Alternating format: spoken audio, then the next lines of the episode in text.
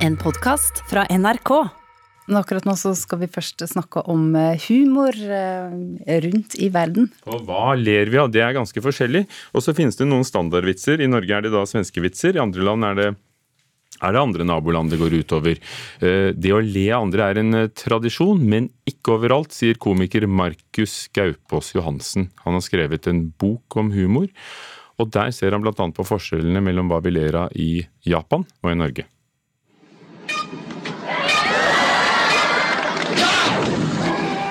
Hvordan hadde du reagert om du var på et offentlig mobiltoalett og plutselig ble heist opp og ut av toalettet til spott og spe for forbipasserende? Det er et typisk eh, japansk eh, skjulkameraspøk, hvor folk som går på do, da blir eh, dummet ut ved at de, eh, når de har buksene på knærne, så blir de eksponert i offentligheten.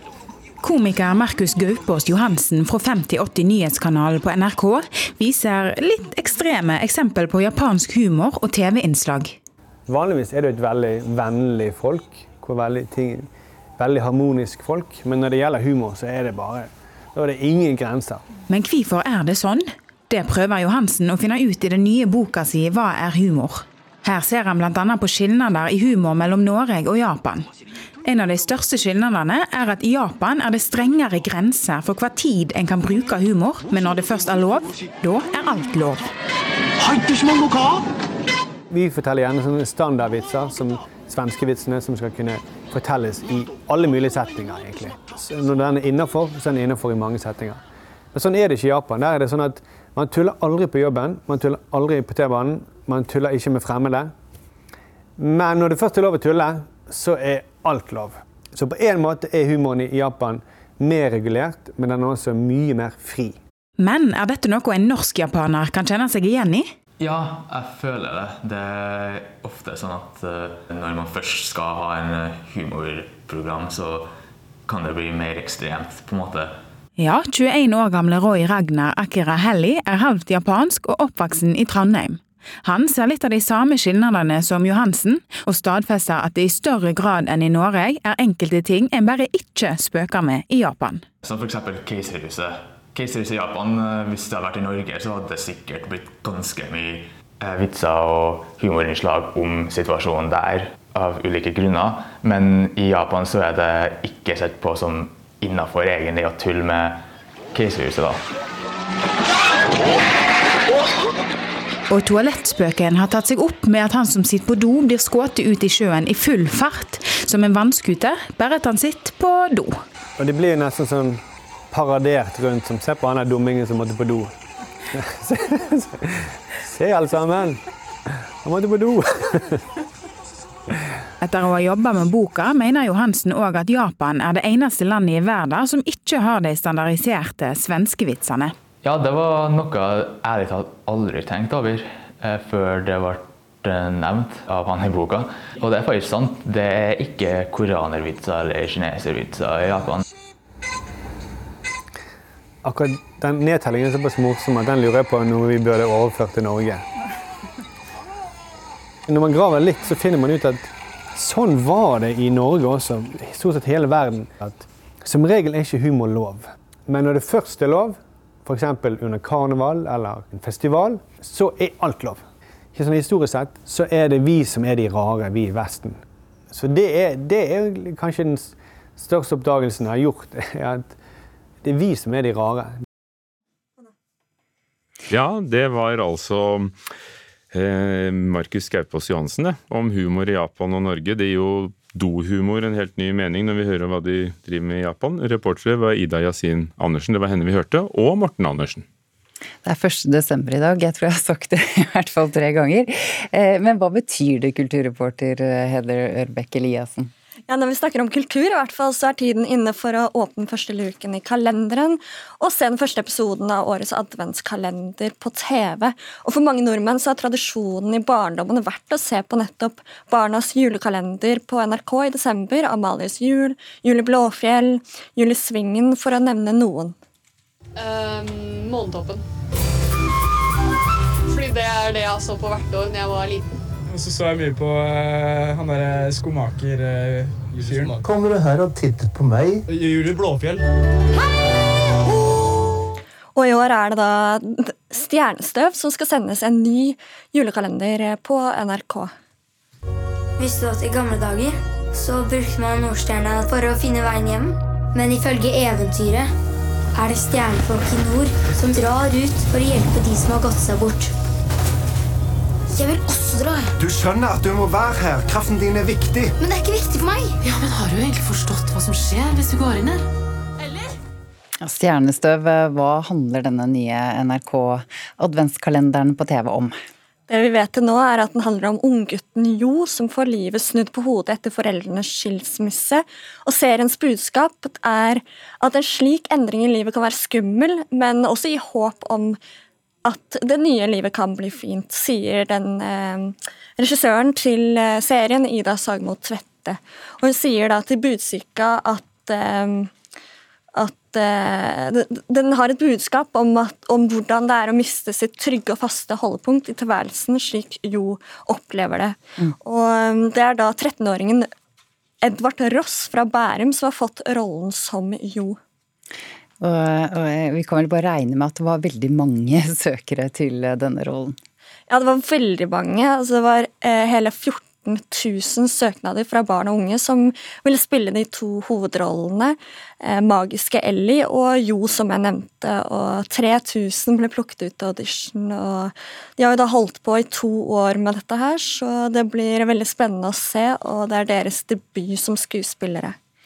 Og, og, serien har et budsjett på 60 millioner kroner, så da er det kanskje ikke så rart at man har eh, ganske store forventninger. Ja, man har eh, høye forventninger, og 60 millioner kroner er mye. Det er 10 millioner kroner dyrere enn NRKs forrige produksjon, 'Snøfall'. Så det blir eh, spennende å se. Ja, I tillegg til 'Stjernestøv', hvilke andre serier eh, får vi se på TV i år? Jeg får nevne noen av de andre. Eh, I år eh, så kommer TV 2 også med en serie som, eller en julekalender som heter Wenche Wenche Andersens eh, julekalender, eh, som skal inspirere folk på kjøkkenet. Og mm, TV Norge gjentar suksessen med juli Blodfjell. Det høres ut som adventskalendere for folk som er litt, eh, litt eldre. Ja, litt eldre.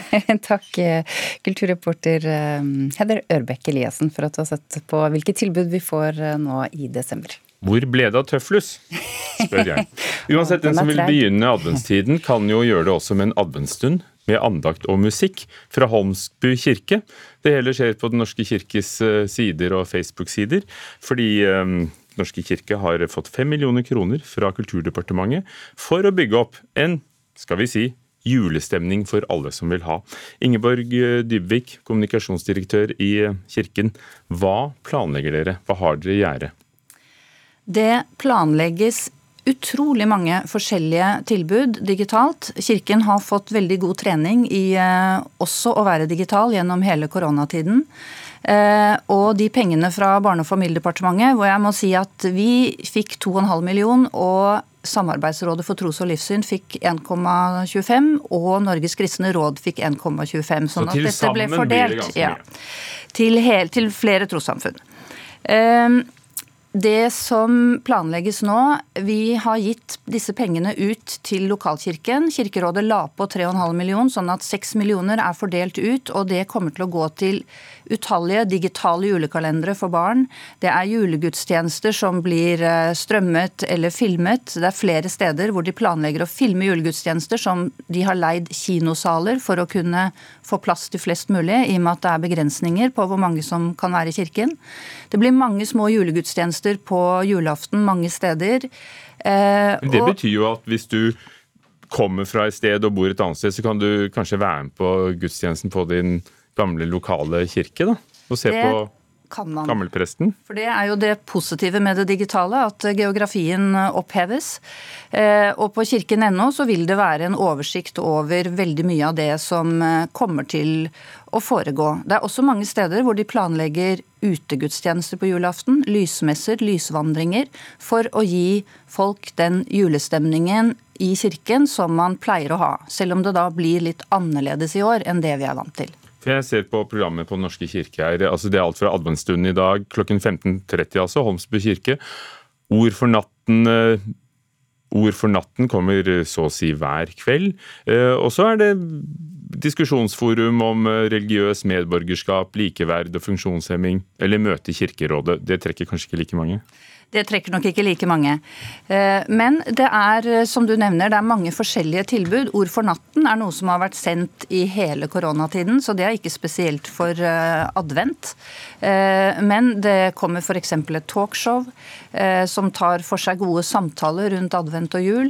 Så det er, det er veldig mange forskjellige tilbud for alle aldersgrupper. Hvis vi er enige om at smitteverntiden ikke har vært noe vi har hatt glede av, noen av oss, annet enn at vi kanskje har unngått mye smitte. Eh, har dere likevel eh, lært noe av den i kirken? Jeg tror at Kirken har lært at eh, det er mange måter å nå frem til folk på. Og det viktigste er jo for mange det å kunne gå i kirken, men samtidig så når vi fram til kanskje andre som ikke har noen tradisjon for å gå i kirken til vanlig, men som opplever at de kan få ta del i kirken på en annen måte gjennom de veldig, veldig mange digitale tilbudene som ansatte og frivillige over hele landet virkelig jobber hardt for å få til, og ikke minst nå i advent og juletid. Nå blir det ikke bare TV-gudstjeneste på julaften, nå blir det mange? Det blir veldig mange. Takk skal du ha, Ingeborg Dybvik fra Den norske kirke. Julen eh, nærmer seg jo, og årets juleplater er tilgjengelige i butikker og på strømmetjenester. Eh, vi skal snakke om tre av dem, og på den første finner vi en av Norges mest folkekjære artister.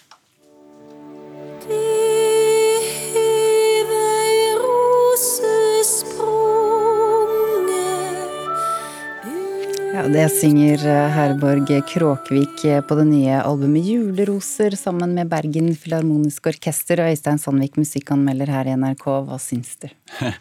Jo, jeg syns dette her er en fin plate. Altså, det her er det mye kvalitet i, i mange ledd.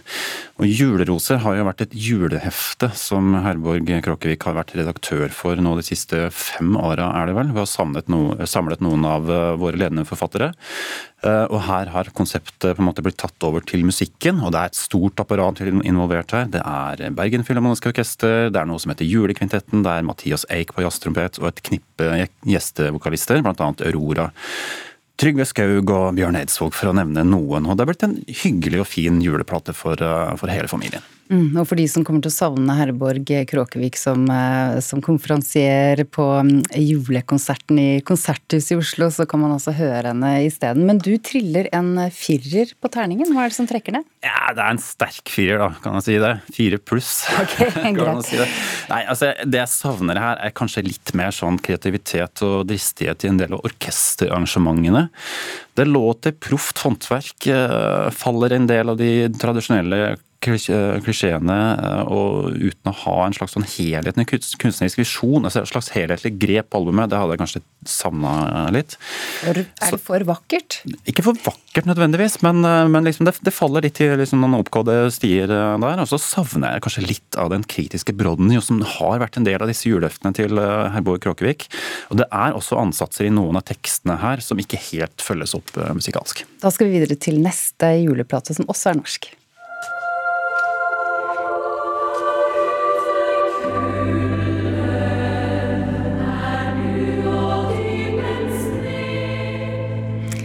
Stille som sne med Kvinnelige studenters sangforening. Her hører vi fra fjor og fjerde. Her gir du en eh, sekser, eh, Øystein Sandvik. Ja, altså Dette er rett og slett et blinkskudd fra Kvinnelige studenters sangforening, som faktisk er verdens eldste damekor. Eh, de har nådd nye høyder under dirigent Mari, Marit Tøndel Bodsberg Veide. Eh, og de treffer veldig godt på denne plata, syns jeg. Sånn i skjæringspunktet mellom tradisjon og fornyelse. Det er litt blanding av kjente, noen litt mer ukjente julesanger. Gjennomgående veldig gode arrangementer. altså Det imponerer meg veldig på denne plata, som er uh, nye av de for albumet, veldig mange eh, for damekoret orgel. For denne litt sånn eteriske, lyse klangen av kvinnestemmene i kvinnelige studenter får et eh, hva skal vi si, solid og storslagent eh, fundament av eh, klang, klangen av orgelet i Uranienborg kirke, spilt av Inger Lise Ulsrud. Så det er en veldig fin plate. Så rekker vi til slutt det danske barokkorkesteret Concerto Copenhagen. Denne får også en sekser. Ja, altså Concerto Copenhagen er et barokkensemble virkelig i toppklassen. og På dette albumet så spiller de instrumental barokkmusikk med juletematikk. Det er mange sånne julekonserter som ble komponert i Italia sånn på starten av 1700-tallet av komponister som Corelli og Vivaldi osv. De er kanskje de mest kjente. og Dette er veldig vakker og stemningsfull barokkmusikk. Alt, som alltid veldig levende og engasjert spilt av Concerto Copenhagen under sin eh, dynamiske dirigent og cembalist Lars Ulrik Mortensen.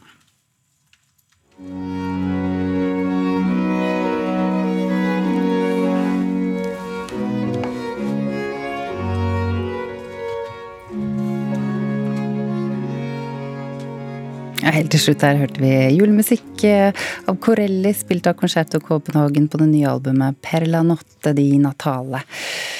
Den ble også anmeldt her i Nyhetsmorgen av Øystein Sandvik, eh, og du finner flere av juleplatene i en anmeldelse på nrk.no. Klokken er tre over halv ni. I Nyhetsmorgen har vi bl.a. følgende overskrift som at klimamålene i Parisavtalen er innen rekkevidde, viser nye utregninger. Som BBC har presentert eh, i dag. Mange sykepleiere er usikre på om de eh, tør å ta koronavaksinen og hvordan Iran svarer på likvidasjonen av landets fremste atomfysiker, han som ble skutt sist fredag, har alt å si for det fremtidige forholdet mellom Iran og USA, forteller vår korrespondent. Men først, det siste døgnet er det registrert 83 nye smittetilfeller av koronaviruset i hovedstaden. Det er det samme tallet som i går, 78 færre enn samme dag for en uke siden. I hele landet var tallet på nye tilfeller 322, og det er 96 færre enn samme dag for en uke siden. Det viser at smittetallene flater ut, sier assisterende helsedirektør Espen Rostrup Nakstad. Tallene i Norge nå er egentlig ganske oppløftende. Eh, det ser ut som det, den innsatsen folk har gjort nå enda en gang i høst, eh, begynner å, å, å vise resultater. Ser man bare på de aller siste dagene, så er det egentlig en utflating og nedgang i de aller fleste kommuner. Så er det et par Østfold-kommuner eh, i gamle Østfold som fortsatt har litt stigende trend. Ellers har det flatet ut eller er på vei ned veldig mange steder. Oslo, vi er, skal vi være fornøyde her? Ja, Oslo-folk skal være fornøyde, fordi de er flinke. De bruker munnbind og de jobber hjemmefra og de følger alle disse reglene veldig godt. Eh, men samtidig så er det noen bydeler som henger litt etter. Eh, men det er også tegn på at det går riktig vei der, sånn som det ser ut for meg. Og nå har vi akkurat fått tall eh, som viser at 83 nye smittetilfeller i Oslo. Det er akkurat det samme tallet som i går, da? Mm. Ja, og jeg tror ikke vi skal se bare fra dag til dag her, fordi det er litt med når disse prøvene er tatt, og dette vil ofte jevne seg ut.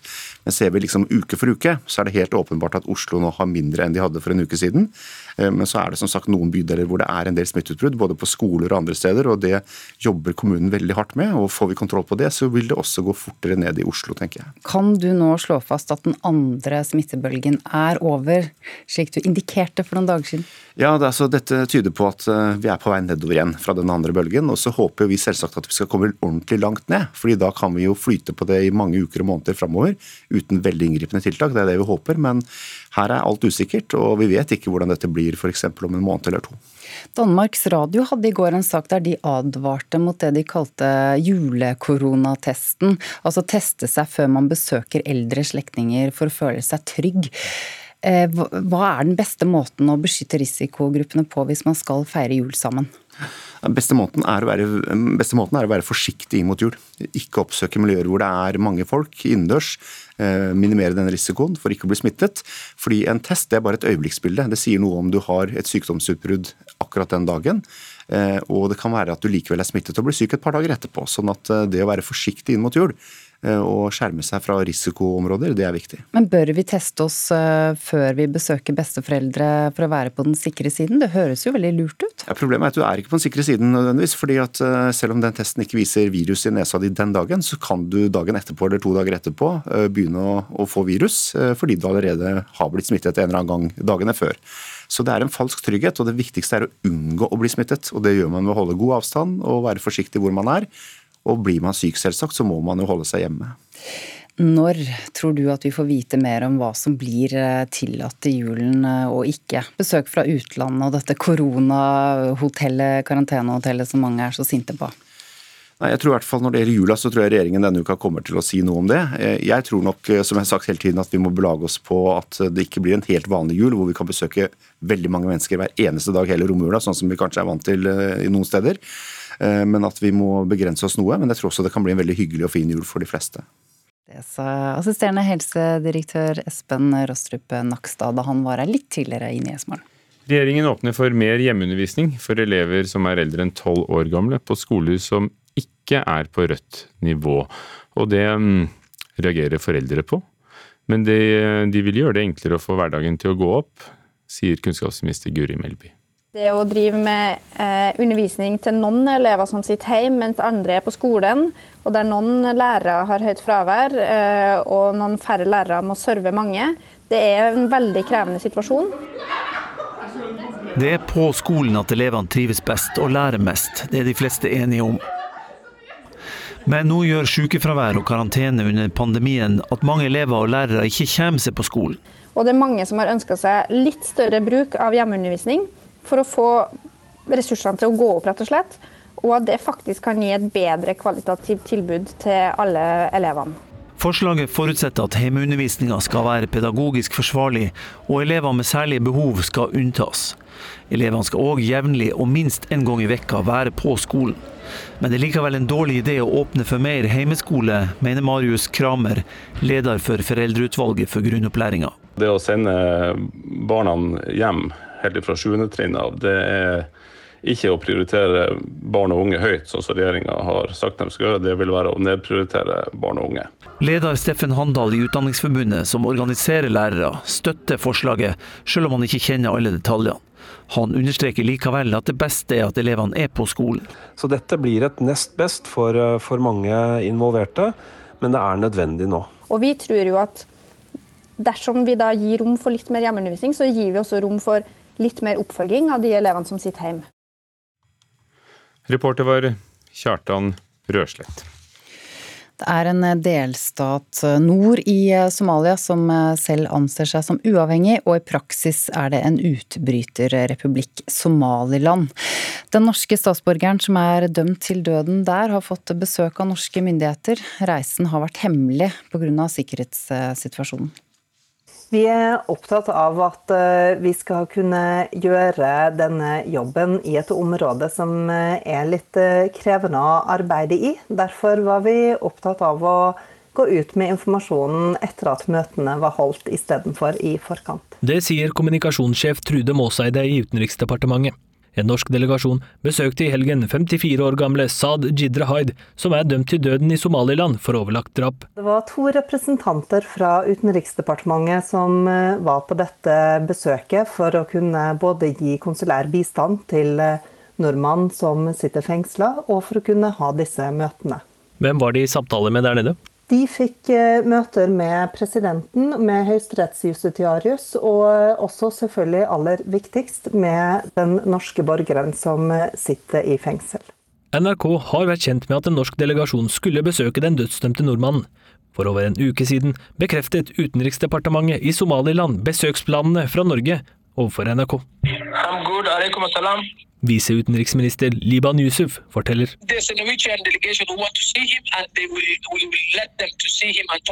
Siden april har familiefaren sittet i høysikkerhetsfengselet i Hargesa, som er delvis finansiert av norske myndigheter. Saken ble kjent i Norge i midten av november, da 54-åringen fra Oslo ble dømt til døden. Selv hevder han sin uskyld, og mener alt han gjorde var å forsvare seg mot en mann som angrep han. Reporter her var um, Ali Iqbal Tahir. Irans fremste atomfysiker Mohsen Fakhrizadeh ble skutt og likvidert på en landevei sist fredag. Hvordan Iran svarer på dette angrepet vil ha mye å si for forholdet mellom Iran og ikke minst USA, etter hvert som Joe Biden blir president. Fakhrizadeh var en mann som hadde stor betydning, sier vår korrespondent som følger Iran, Sissel Wold. Han var nok veldig viktig.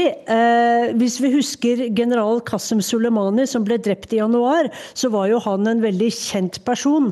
Han var en av de aller mektigste i Iran. Men Fakhrizadeh blir sett på som far til eh, Irans atomprogram. Eh, Netanyahu mener da det er Irans atomvåpenprogram. Eh, og han har hatt eh, veldig mye innflytelse. Han er eh, professor i kjernefysikk, så selv om han plutselig er blitt kjent nå utenfor Iran, så har han vært eh, veldig viktig i eh, atomprogrammet, som jo Iran mener er for fredelige hensikter. Iranerne er overbevist om at Israel står bak, altså. men, men hvordan i verden klarer Mossad å operere inne i et regime som eh, Iran? Ja, her er det mange ting som ikke er helt uh, åpent i uh, klart uh, dagslys. Men det er en enorm korrupsjon innad i Iran. Og det er i tillegg økonomisk nød pga. sanksjonene. Sånn at hvis folk kan tjene penger på uhederlig vis, da, sett fra Iran, så, så, gjør man det. Hvis man blir tilbudt 1 millioner dollar for å bidra til å ta livet av Fakhrizadeh, og i tillegg få et vestlig pass og kjøpe seg et nytt liv, så kan det virke ganske forlokkende for mange. I tillegg så er det jo mange som intenst hater det iranske presteregimet, som kanskje da er mer enn villig til å hjelpe regimets fiender utenfor landet. Men dette er jo storpolitikk. Nå anmoder Iran om at inspeksjonene av atomanleggene deres må stanse, og Det internasjonale atombyrået sier ikke tale om. President Hassan Rouhani forsøker å hindre konflikten fra å, å eskalere da før Joe Biden tar over i USA. Hva, hva er det Rouhani prøver på nå? President Rouhani vet at, at paret, altså Donald Trump og Benjamin Netanyahu, prøver å lokke Iran i en felle ved å eskalere denne konflikten, slik at det blir mye vanskeligere for Joe Biden å si at nå skal vi prøve å få et bedre forhold til Iran. Hvis Iran nå slår hardt tilbake mot USAs mål i Irak f.eks., som mange tror, så vil jo forholdet Iran-USA forverre seg, og da blir det vanskelig for Joe Biden å si at nå må vi få et bedre forhold til Iran. Rouhani vet at dette er en felle, og han har ikke lyst til å gå i den. Og det er jo et, krav innad i Iran om at dette drapet ikke må gå ubesvart. Men samtidig så tenker man at istedenfor å svare på dette nå, hardt og brutalt, så er det kanskje bedre å vente til Biden kommer inn i Det hvite hus. Kanskje vil man tjene mer på det. Kanskje er det en større pris i vente om man holder seg tilbake. Men her er det mange ting i verktøykassen til Iran. De har flere muligheter for å svare på dette. Reporter var Sissel Wold, dvs. Si hun er vår korrespondent i Istanbul og, og dekker Iran.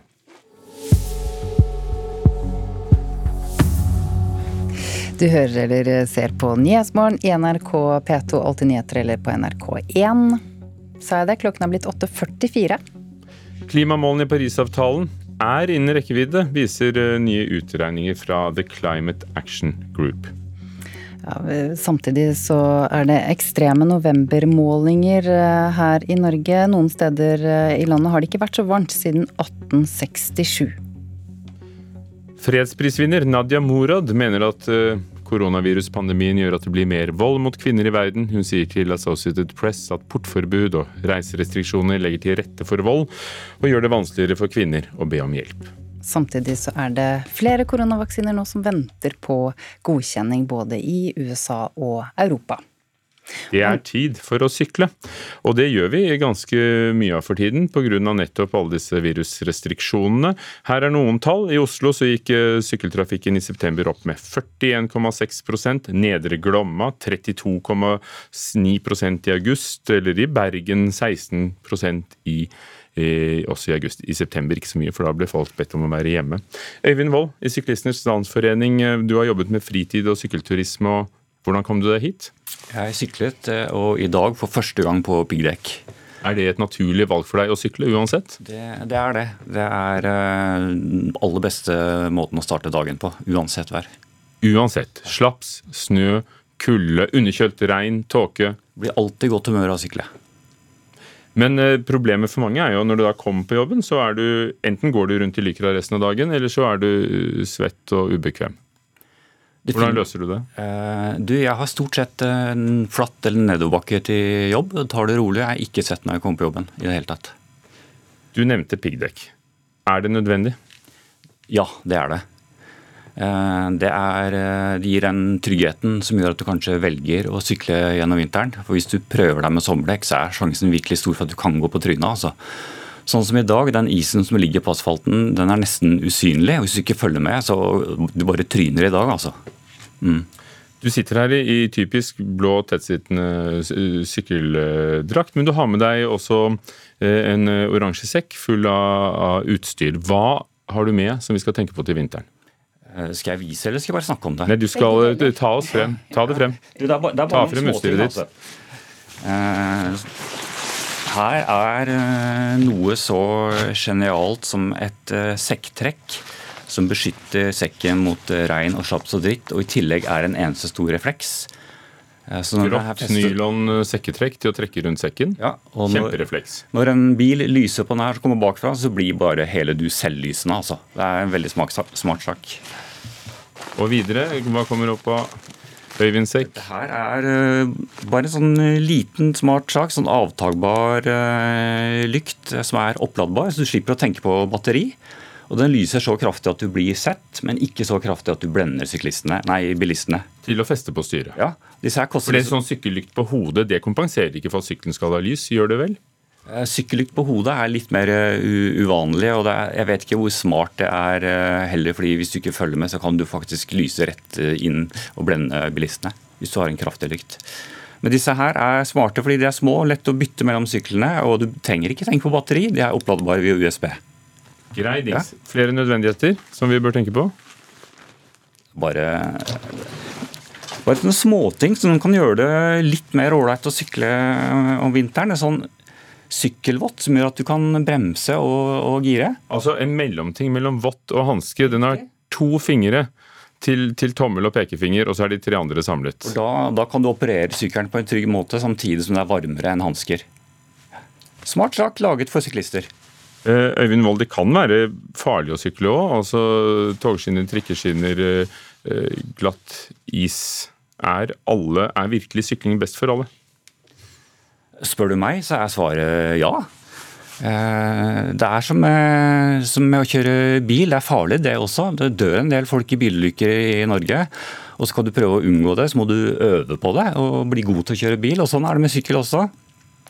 Hvis du har en, en fast vei til og fra jobben, så vet du hvor trikkeskinnene og brosteinene er, og de kjipe fortauskantene og hullene og sprekkene, så avpasser du farten etter det.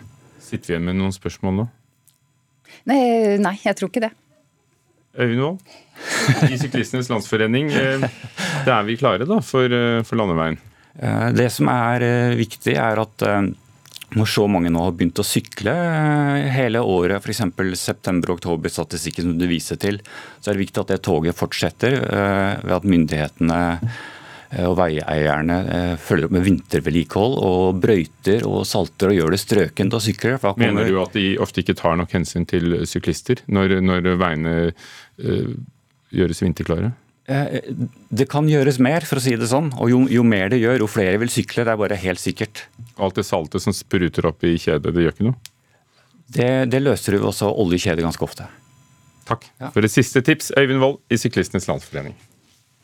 So you want to fight the Nazis, but at the same time you're telling the American voters you won't. Yes. It's politics, Martha. Det er ikke bare i Norge TV-serien Atlantic Crossing skaper presseoppslag. I Storbritannia, der det nå debatteres heftig om forholdet mellom fakta og fiksjon i TV-serien The Crown, havnet også Atlantic Crossing i um, avisene i går. I The Times under overskriften 'Historien om en prinsesse som omskrev historien'.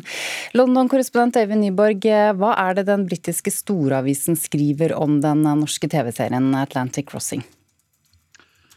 Den skriver jo med en litt eh, bitende britisk ironi om eh, den norske serien, som får det til å se ut som om det er prinsesse Märtha alene, og ikke Winston Churchill, som overtalte president Roosevelt til å gi opp nøytralitetspolitikken og, og begynne å selge våpen og olje osv. til eh, de allierte. Ja, på hvilken måte ligner dette på problemstillinger som debatteres om Netflix-serien The Crown, som veldig mange flere i verden har sett? Jeg tror de er opptatt av Atlantic Crossing fordi det er så mange likhetstrekk, som du sier.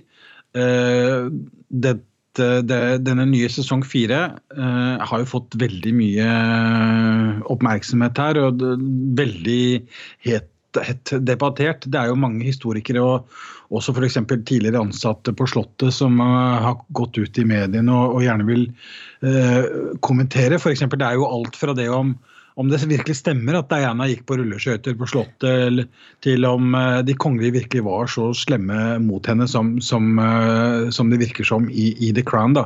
Og, og, det som er spesielt her i forhold til det som skjer i Norge, det er jo den enorme kraften det fortsatt er i eh, Diana-Charles-konflikten. Altså, De hadde jo helt åpenbart sine leire, sine støttespillere.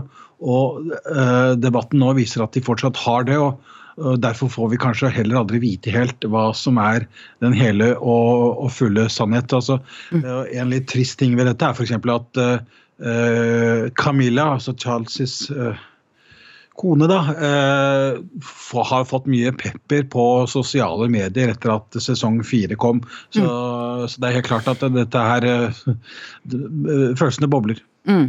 Og nå, er, eh, nå har det blitt såpass ille at den britiske kulturministeren Oliver Dowden har kommet eh, på banen. Han ber Netflix eh, advare seerne om at serier som The Crown er mer fiksjon enn sannhet. Hvorfor må han gå ut og si det? Ja, sier jeg. Han vil jo gjerne også advare unge seere om at det, er nakenscener osv. Så, videre, så jeg vet ikke helt om han kommer så langt med dette. men skuespillerne er jo også opptatt av å si fra og har gått ut i mediene og sagt at dette er fiksjon og ikke et uh, historisk uh, drama. Men det som kanskje er interessant i forhold til den norske debatten, er at det ser ut til at britene gjør et stort poeng ut av at det er forskjell på Netflix og uh, da NRK som allmennkringkaster altså står bak dette, uh, denne uh, Atlantic Crossing. Og de mener ja, helt åpenbart at kravene til det å være mer historisk korrekt kanskje bør være litt høyere til, til NRK enn f.eks. til til en mer eh, tilfeldig privat aktør som, som Netflix. Da. Mm. Og denne diskusjonen om Atlantic Crossing tar vi i eh, debatten på NRK1 i kveld. Takk, London-korrespondent Øyvind Nyborg. Du har hørt en podkast fra NRK. Hør flere podkaster og din NRK-kanal i appen NRK Radio.